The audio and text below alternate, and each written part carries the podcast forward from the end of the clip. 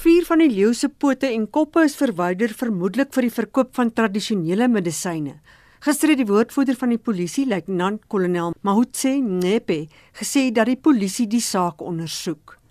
'n Senior handelsbeampte by die Natuurlewe en Handelsprogram van die Endangered Wildlife Trust, Dr Kelly Marnewik. Mostly for their feet um, and for their heads or faces and sometimes for their tail and their skins. Depending what parts are taken, um, we're not 100% sure what the various body parts are used for, but we do know that the faces and the teeth are used a lot in belief traditions around belief medicines. And we know that the claws are also used in a similar way, sort of in muti type situations. But we also know that there is an export market for things like claws into the East, where claws and teeth are used as trinkets.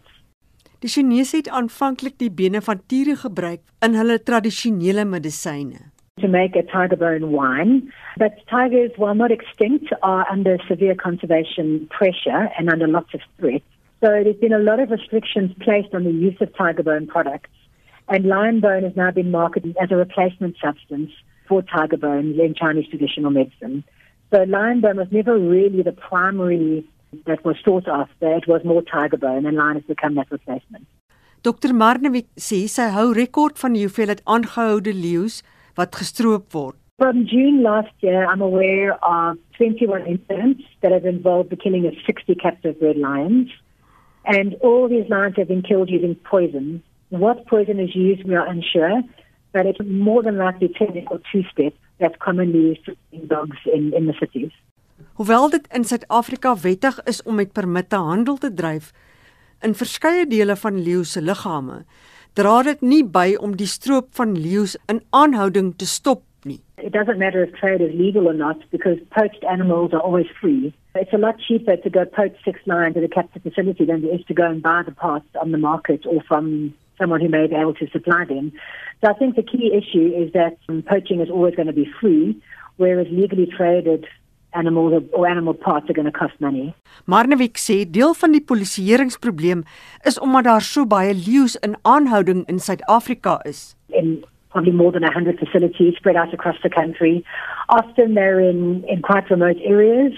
And so it's really hard for our law enforcement officials to effectively police these. And the same for the facility managers. They've got a lot of security, but the lions are used to people. It's easy enough just to throw meat over the fence and the lions eat the meat and they're down within a few minutes. And you can cut the fence and you can go in and do it reasonably quietly. You don't even need a firearm to commit the crime. Dr. Mardenwick sê 'n paar dinge moet in plek gestel word om die stropery van leeu's in aanhouding te beperk. We need better control on illegal trade and on trafficking networks. And a lot of our wildlife poaching is done by organized crime syndicates. So this makes it very hard to be our law enforcement officials to address these syndicates. But we certainly need to address organized crime syndicates um, and corruption. And then, of course, demand reduction, working with people who want these products to try and give them information to help them either use them in a more sustainable way that doesn't involve poaching or to get them to stop using them altogether. Dit was Dr. Kelly Marnewik, 'n senior handelsbeampte by die Natuurlewe en Handelsprogram van die Endangered Wildlife Trust. Mitsi van der Merwe, SAK nuus.